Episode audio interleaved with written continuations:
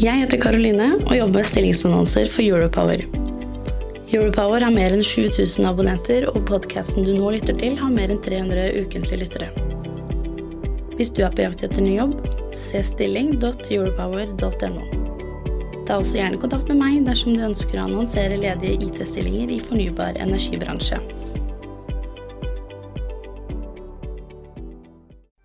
Du lytter til Energidebatten. Sendinga er produsert av Europower Partner og DNX i forbindelse med ONS 2022, i samarbeid med Raven. Du kan også se videoopptak fra debatten på dn.no. slash ONS. Redaksjonen i Europower har ikke medvirka i denne produksjonen. Hei og velkommen til Energiscenen her på ONS i Stavanger. Velkommen til dere som sitter i salen. Velkommen til dere som følger streamen live på fronten på dn.no. Og velkommen til dere som lytter til podkasten til Europower som heter Energidebatten. Fra tid til annen så får jeg meldinger under debatten på NRK med ris og ros. Men for å være veldig tydelig, jeg er ikke Fredrik Solvang. Og til forsvar for de som sender meg disse meldingene, så ser ei heller jeg forskjell på asiatere. Så feil kan skje. Over til noe mye mer seriøst. Det er krig i Europa. Krig er grov vold satt i system. Det er også energikrig. Og så er det en cyberkrig. Hver dag, hver time, så blir de største energiaktørene i Norge angrepet. Den neste halvtimen så skal vi diskutere cyberattacks altså og det nye trusselbildet. Og med oss i denne debatten så har vi Tone Tingbø, Vice President Cybersecurity i Statkraft. Vi har Henrik Ramberg, Security Advisor i Equinor. Og vi har Henrik von Slambers, som er CEO i Raven. Velkommen til dere. Takk. Eh, la oss starte med en kort presentasjonsrunde, sånn at vi forstår litt mer hvem vi har med oss her. Tone Tingbø, hvem er du? Jeg er Tone Tingbø, og jeg jobber med cybersecurity. Jeg har ansvar for cybersecurity i Statkraft. Statkraft er et stort nasjonalt selskap eid av norsk regjering og ja, forvaltning. Og vi har operasjoner i 20 land nå. Og vi produserer fornybar energi på hele linja. Uh, og så Henrik Ramberg, og her er det jo flere Henriker, så vi må bruke etternavn og være tydelige på det. Henrik Ramberg fra Equinor, hvem er du? Uh, først og fremst takk for invitasjonen. Uh, Henrik Ramberg heter jeg, jobber i Equinor. Har jobba der i omkring ti år i, det som heter Cyber Defense Center. Har jobba med det som vi kaller incident response, har drevet med risk assessment, advisory og sånn. Og, og um, Oppgaven er jo da å prøve å beskytte Equinors, Equinors digitale verdier. Hmm. Og så Henrik von Slambers, hvem er du? Ja, hei. Uh, Henrik von Slambers. Uh, jeg er en av gründerne i Raven, uh, daglig leder. og Vi hjelper bedrifter å komme seg ut av problemer når de først har oppstått. Og så er jeg egentlig den eneste her i salen i hoodie med hettegenser, altså. Yes. Jeg pleier også å gå i litt Jeg pleier ikke å gå i dress, men fikk beskjed om at jeg måtte ta på meg dress i dag. jeg har lært at det er noe som heter ransomware as a service. At du rett og slett skal, akkurat som, akkurat som software as a service, ransomware as a service. Betyr det altså Henrik von Slambers, betyr det at jeg kan kjøpe hacking av, av telefonen for eksempel, til noen av de som sitter i salen, eller til noen av de som sitter og følger oss nå på dn.no? Det kan du. I prinsippet kan du det. Så kan vi snakke litt etterpå om uh, Men jeg kan også kjøpe meg inn og lese meldingene til, uh, til noen her i salen? Ja, altså Ransomware as a service vil jo være en tjeneste du kjøper for å kunne blokkere ut systemer hos uh, hvem du egentlig vil. Det er jo en, en, tjeneste som har gjort at det blir enklere for bander å, å, å tjene penger enkelt og greit på sin hackingvirksomhet. Det er litt skummelt. Vi starter med det store bildet. Det er krig i Europa, og, og energiaktørene blir daglig utsatt for cyberangrep. Hvordan vil du Tone Tingve, beskrive situasjonen i Statkraft? Ja, Generelt så tenker jeg vil lage en liten kommentar rundt det med cybertrusselbildet. Fordi det er det som egentlig skal dimensjonere arbeidet med å forsvare deg. Uh, og det er helt klart at cybertrusselbildet er veldig graverende. Det er fryktelig komplekst. og veldig dynamisk. Det endrer seg fra, egentlig fra minutt til minutt. Eh, grunnen til at det endrer seg fra minutt til minutt, er at det er veldig lett å være kriminell på cybersiden. Du har veldig lav sjanse for å bli tatt. Eh, det er ikke utvekslingsavtaler på tvers av landegrensene. Du kan sitte på, gutt, kan sitte på gutterommet eller i Russland? Ja. ja. ja. Uh, og i tillegg så har du en, uh, en stor si utfordring ved at de som er cyberkriminelle, de finner hverandre også på tvers både eh, analog kriminalitet og cyberkriminalitet. Så dette er et stort samfunnsproblem, egentlig, som eh, vi snakker om. Eh, og som vi som institusjon og et AS må forholde oss til og forsvare oss ut fra hvordan vi forstår og tolker det bildet som hele tiden er i endring. Og vi kan jo si at det som bekymrer oss mest, egentlig, det er våre underleverandører, og at de blir rammet, og at de sånn sett kan eh, ramme oss indirekte. Equinor har jo også mange underleverandører. Kjenner du igjen det bildet som eh, Tone Tingbø beskriver i Statkraft? Absolutt, det er veldig gjenkjennelig. Ehm, men samtidig så vil jeg understreke at det er mulig å jobbe systematisk med problemstillingen. Og ha en risikotilnærming, eller risikobasert tilnærming, sånn at man kan Eh, systematisk jobbe for å ivareta den sikkerheten man ønsker. Hvem er det som eh, angriper dere? Eh, Tone Tingbø? Vi har som regel ikke tid til å gå inn og finne hvem som angriper, fordi vi må forholde oss til på hvilken måte de angriper oss. Det er det, det er det, som er viktig.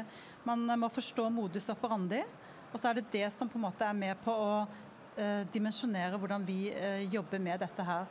Så vi, eh, sånn som du antydet Henrik her, det er jo det der å eh, bygge opp kan du si, kapasitet og evne. Eh, ha god monitoring og deteksjonskapasitet er veldig viktig. Å ha folk som faktisk forstår hva de driver med og eh, er oppdatert på modus operandi. Hvem er det som har noe å tjene på å angripe dere? Ja, altså, er, Vi pleier å dele det inn i eh, kan si, gutteromsaktivister. Eh, det er en, de, de, skal bare gjøre seg til for andre som driver med det samme. Eh, så har du organisert kriminalitet. De tjener jo penger. Det, det, er, det, er, der kriminaliteten kommer inn. Og det er store penger i f.eks. ransomware og DDoS og disse her angrepstaktikkene. Eh, fordi man stjeler informasjon, eh, man selger det videre på det mørke nettet og selger tilganger f.eks. til nettverk og eh, din PC. Kan man, hvis dere har blitt utsatt for et angrep, så kan, kan man kjøpe seg tilganger, brukernavn, passord. Så det, det, er mange som har noe å tjene på det, sånn rent eh, kriminelt sett. Eh, men så har vi også disse aktørene som er statlige, som er, vi frykter også fordi vi er utsatt for etterretningsoperasjoner, vi og veldig mange andre som driver med samfunnskritiske operasjoner. Eh, og de er kanskje primært ute etter å stjele informasjon for å forstå hvordan vi opererer. Og hva slags tiltak vi har på plass. Så der må vi, de, de tjener jo ikke penger, men de, de, aggregerer opp en kunnskapsbase som de kan eh, bygge videre på og planlegge andre typer angrep. Da. Hvor ofte opplever Equinor eh, hackingangrep? Um, la meg bare si det sånn. Altså, det største volumet av det vi ser, er fortsatt opportunistisk. Det betyr at det er de som er på, på vinningssiden, som, som, utgjør det store volumet. Og så er det sånn at avanserte statlige aktører, det er noe Equinor har erfart og sett i, lang tid og mange år. Så det er ikke noe nytt som sådan. Men, men den konflikten som utspiller seg, eller den krisen som utspiller seg i, i Ukraina, den har helt klart gjort noe med trusselbildet. Og Det har gjort også at vi har tilpassa oss, og vi har gjort eh, ekstra tiltak for å være sikre på at vi møter det skjerpa trusselbildet på en så god måte som mulig. Hva er ekstra tiltak, da? Jeg kan ikke komme veldig nøye inn på det her, men det jeg kan si er at dette er noe vi jobber strategisk med. Og det jobber vi strategisk med helt fra toppen og helt ned til eh, den enkelte ansatte. Mm. Uh, Angrepet mot Norsk Hydro eh, viser jo hvor eh, ødeleggende ransomware kan, eh, eller løsepengevirus da, kan være. Eh, og Norsk Hydro var jo tvunget til å stoppe produksjon, eh, både, flere anlegg i Europa og også i, i, i Amerika. Eh, Energikrisen har gitt oss et nytt ord, og det er strømrasjonering. Altså, det kan bli mangel på, på kraft.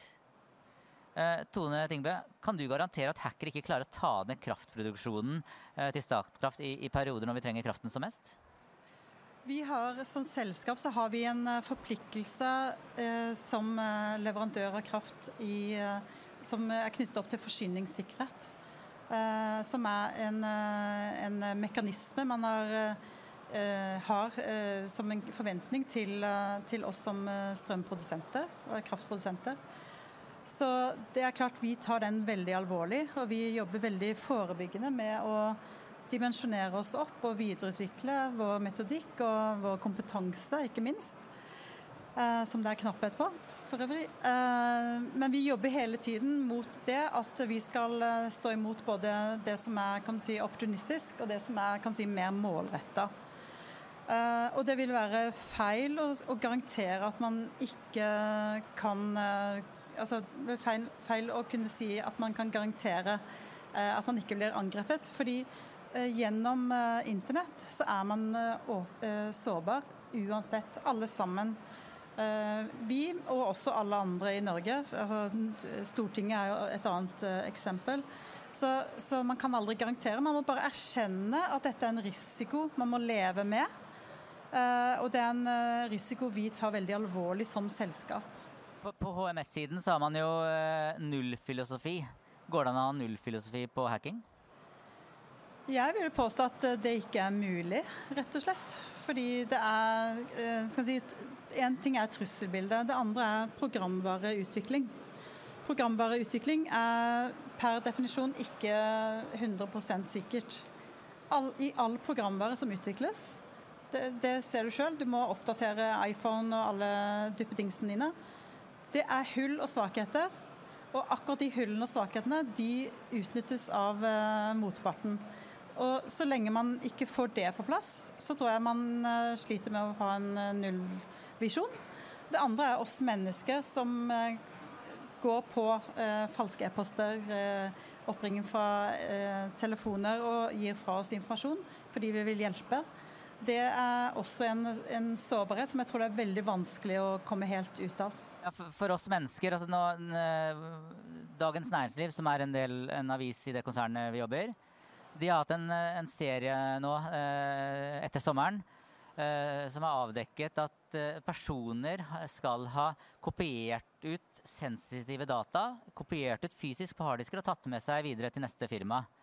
Og, og dette er jo da blitt politianmeldt av NVE, og er vel da under etterforskning.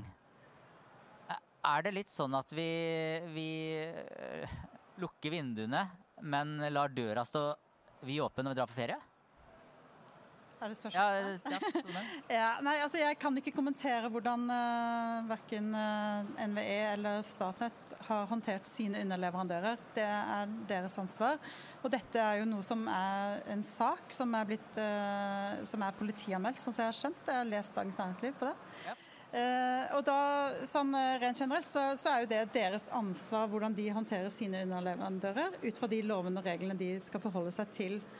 Eh, men sånn rent prinsipielt så er det interessant å se hva som blir utfallet av den saken. fordi den, eh, fra sikkerhetsmessig ståsted. fordi det, det, er ikke så ofte man får den type saker i rettssystemet. Og det er med på å etablere en praksis som er nyttig for oss andre å, å ta lærdom av. Eh, hackere tok ned produksjonen i Hydro. I USA så klarte hackere i, fjor å, å, å, sette en av de største oljerørledningene ut av spill. Og, og i Ukraina så har russerne tatt ned strømmen eh, for noen år tilbake. Eh, hva vil konsekvensene være for norske folk dersom hackere klarer å ta ned kraftproduksjonen i Norge? Tone Tingbø? Det, jeg tror de skal slite veldig for å få det til, rett og slett. For det er så mange tiltak på plass for å sikre at vi har no, god eh, evne og robusthet i kraftproduksjonssystemet. Eh, Men de har jo klart det andre steder? Ja, men det er andre land og andre, andre situasjoner som ikke vi uh, på en måte har altså Vi er ikke direkte berørt i verken direkte eller indirekte berørt i, i Ukraina-krigen. Uh, vi prøver jo å forstå hva som skjer der borte. Uh, Jeg var så heldig å møte minister for cybersecurity i Ukraina i løpet av sommeren. Og det var ganske heftig å høre hvordan de må håndtere en trusselaktør som har vært der inne i mange, mange år. Nå har de vært inne i et miljø som kjenner godt til Russland, så de har jo også utviklet angrepsteknikker tilbake. Så, men man kan, man kan, ikke si automatisk at det har skjedd ett sted, at da skjer det i et annet land på, på samme måte. Eh, Henrik Ramberg, eh, jeg har jobbet med, I min tidligere jobb så jobbet jeg tolv år med HMS i oljebransjen. Eh, og, og det, vi var, det, vi var, mest redd for, det var at det skulle lekke gass fra gassførende rør. Samtidig som det f.eks. ble utført varmt arbeid, altså sveising eller den type ting. For da smeller det. Og Piper Alpha er jo da skrekkeksempelet der 167 mennesker omkom pga. en sånn gasslekkasje.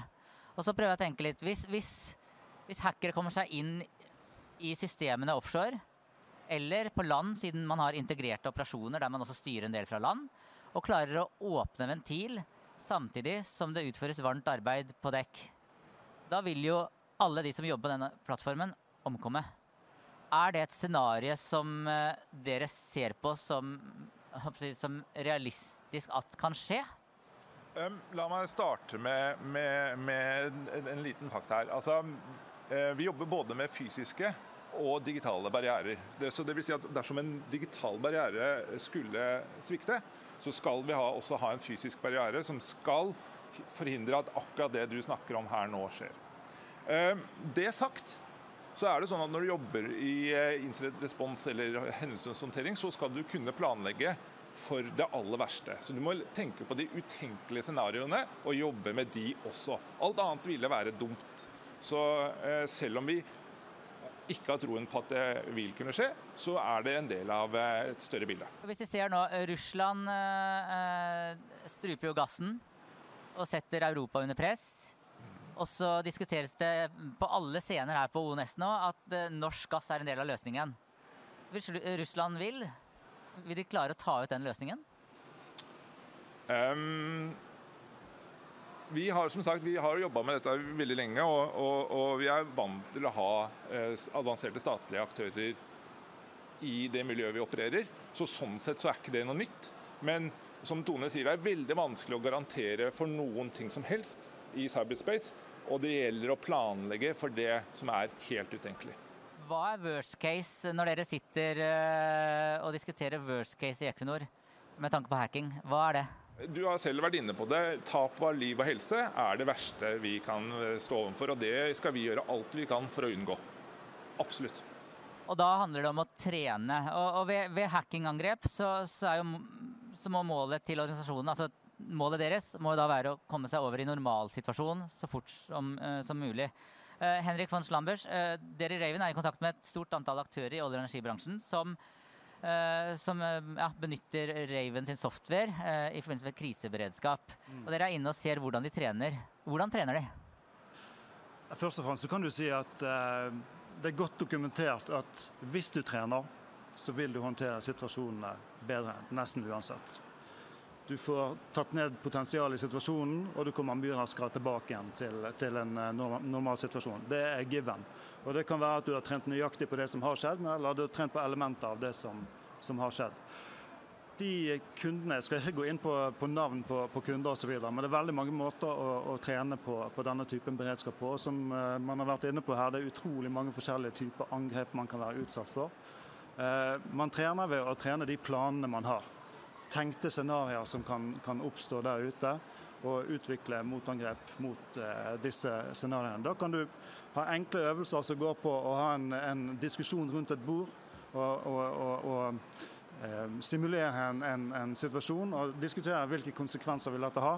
Helt at du kan ha fullskala øvelser der du har hele organisasjonen som blir berørt. Du har jo gjerne et, eh, La oss si at du har et angrep som eh, tar ut et lite system i, i, i, i organisasjonen din så skal du ha, eh, trene da, hele organisasjonen din på hvordan de skal håndtere akkurat dette utfallet. Og Det kan være helt ifra styrenivå helt ned på, på de som, som, jobber der ute med taktisk å ta ut eh, situasjonen. Hvordan trener Equinor på altså for jeg, jeg, har jo vært offshore og vært med på beredskapstrening og evakuering i livbåt osv. Men hvordan trener man på hack eller attacks? Så Vi er jo en bedrift som på en måte har en HSE-bedrift som har hatt en nullvisjon. og Det er en kultur, og det ligger i ryggraden til Equinor. Det å, både det å trene og det å forhindre ulykker.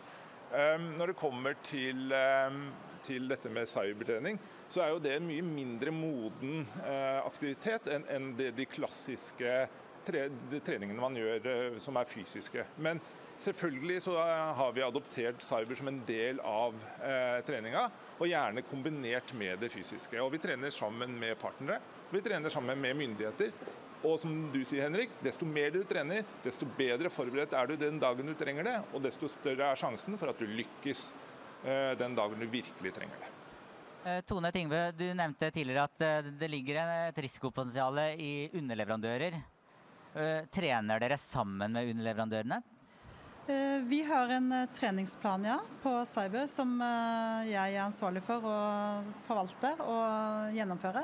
Så ja, det kan jeg bekrefte at det gjør vi. Både type sånn tabletop, men også ristår av data, f.eks. som kanskje hostes hos andre. Hvor vi tar vekk connection og, og ristår det miljøet. For da testet våre interne prosedyrer og, og, og, hos underleverandør. Så det gjør vi. Eh, I dag morges hadde jeg to timer treningsøvelse med lederteamet City.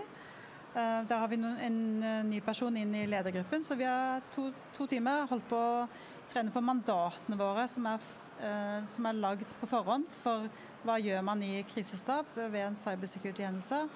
Eh, hvem, eh, hvem eh, mobiliserer vi?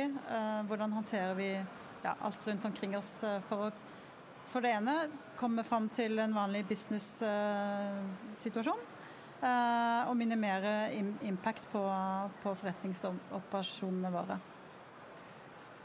Eh, og så fra trening over på læring, altså når noe skjer. Eh, Henrik von Slambers, hvordan eh, jobber energibransjen med å lære fra hendelser?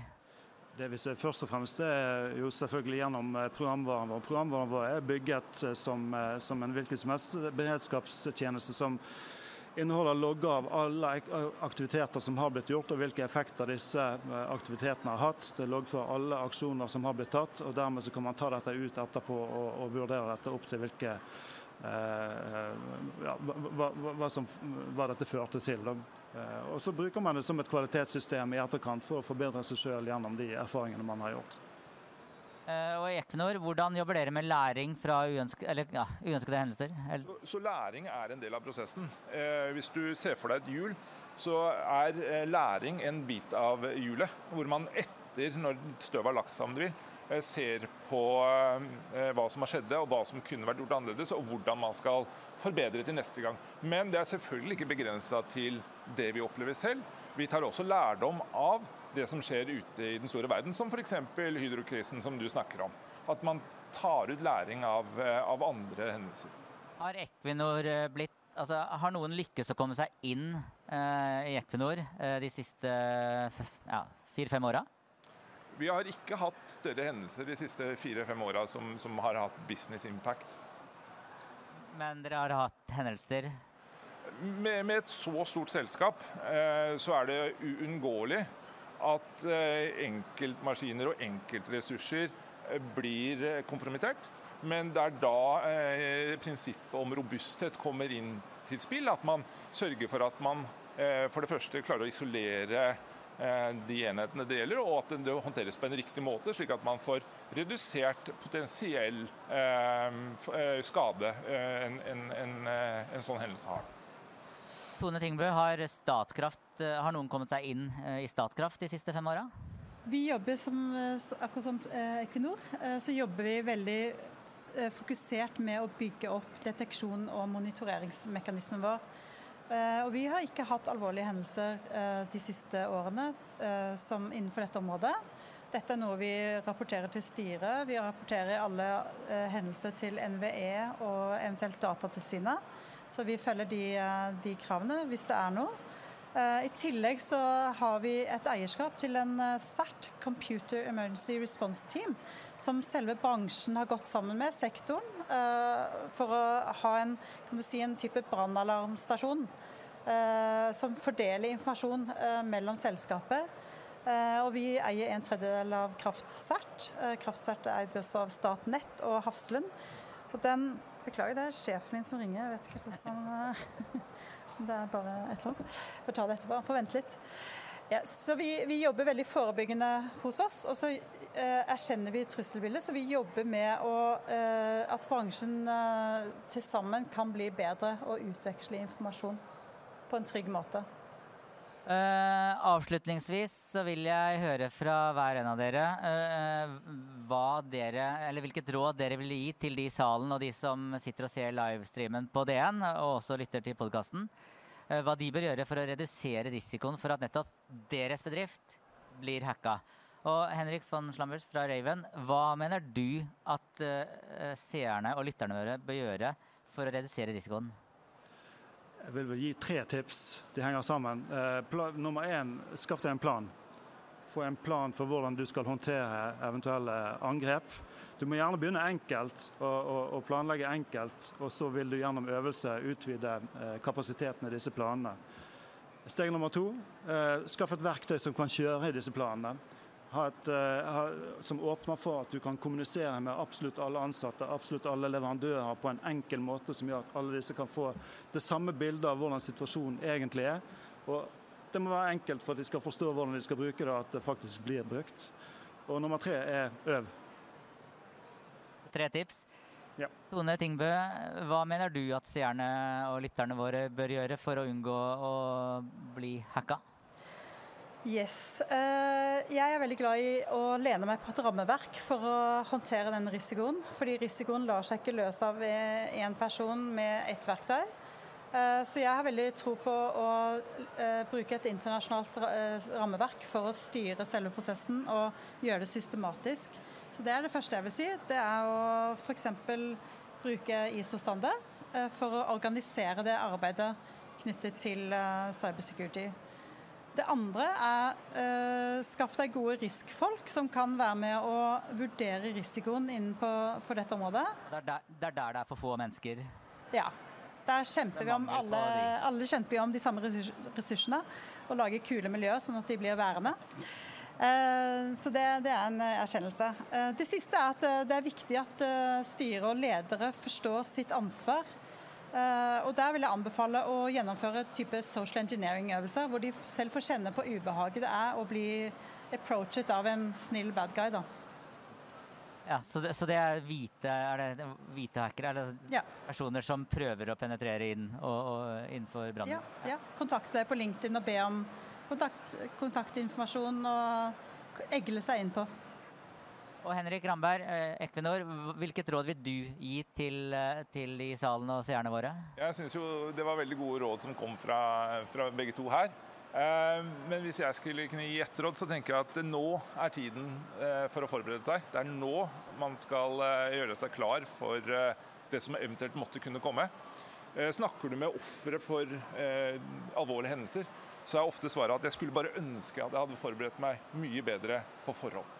Så det å være forberedt og det å ta lærdom av det du ser rundt deg, tror jeg er veldig gode råd til de som ennå ikke er berørt. Da vil jeg takke alle dere som har fulgt oss her på Energiscenen eh, på ONS i Stavanger, eh, eller på eh, livestreamen på Front på DN. Og Også til dere som lytter til podkasten vår som heter Energidebatten. Eh, og så vil jeg si tusen takk til Henrik von Schlambert fra Raven, til Tone Tingbø fra Statkraft og eh, Henrik Ramberg fra Equinor. Takk for at dere var med her i dag og delte litt erfaringer eh, for å dra ned risikoen noe for det å bli angrepet av noen der ute. Tusen takk.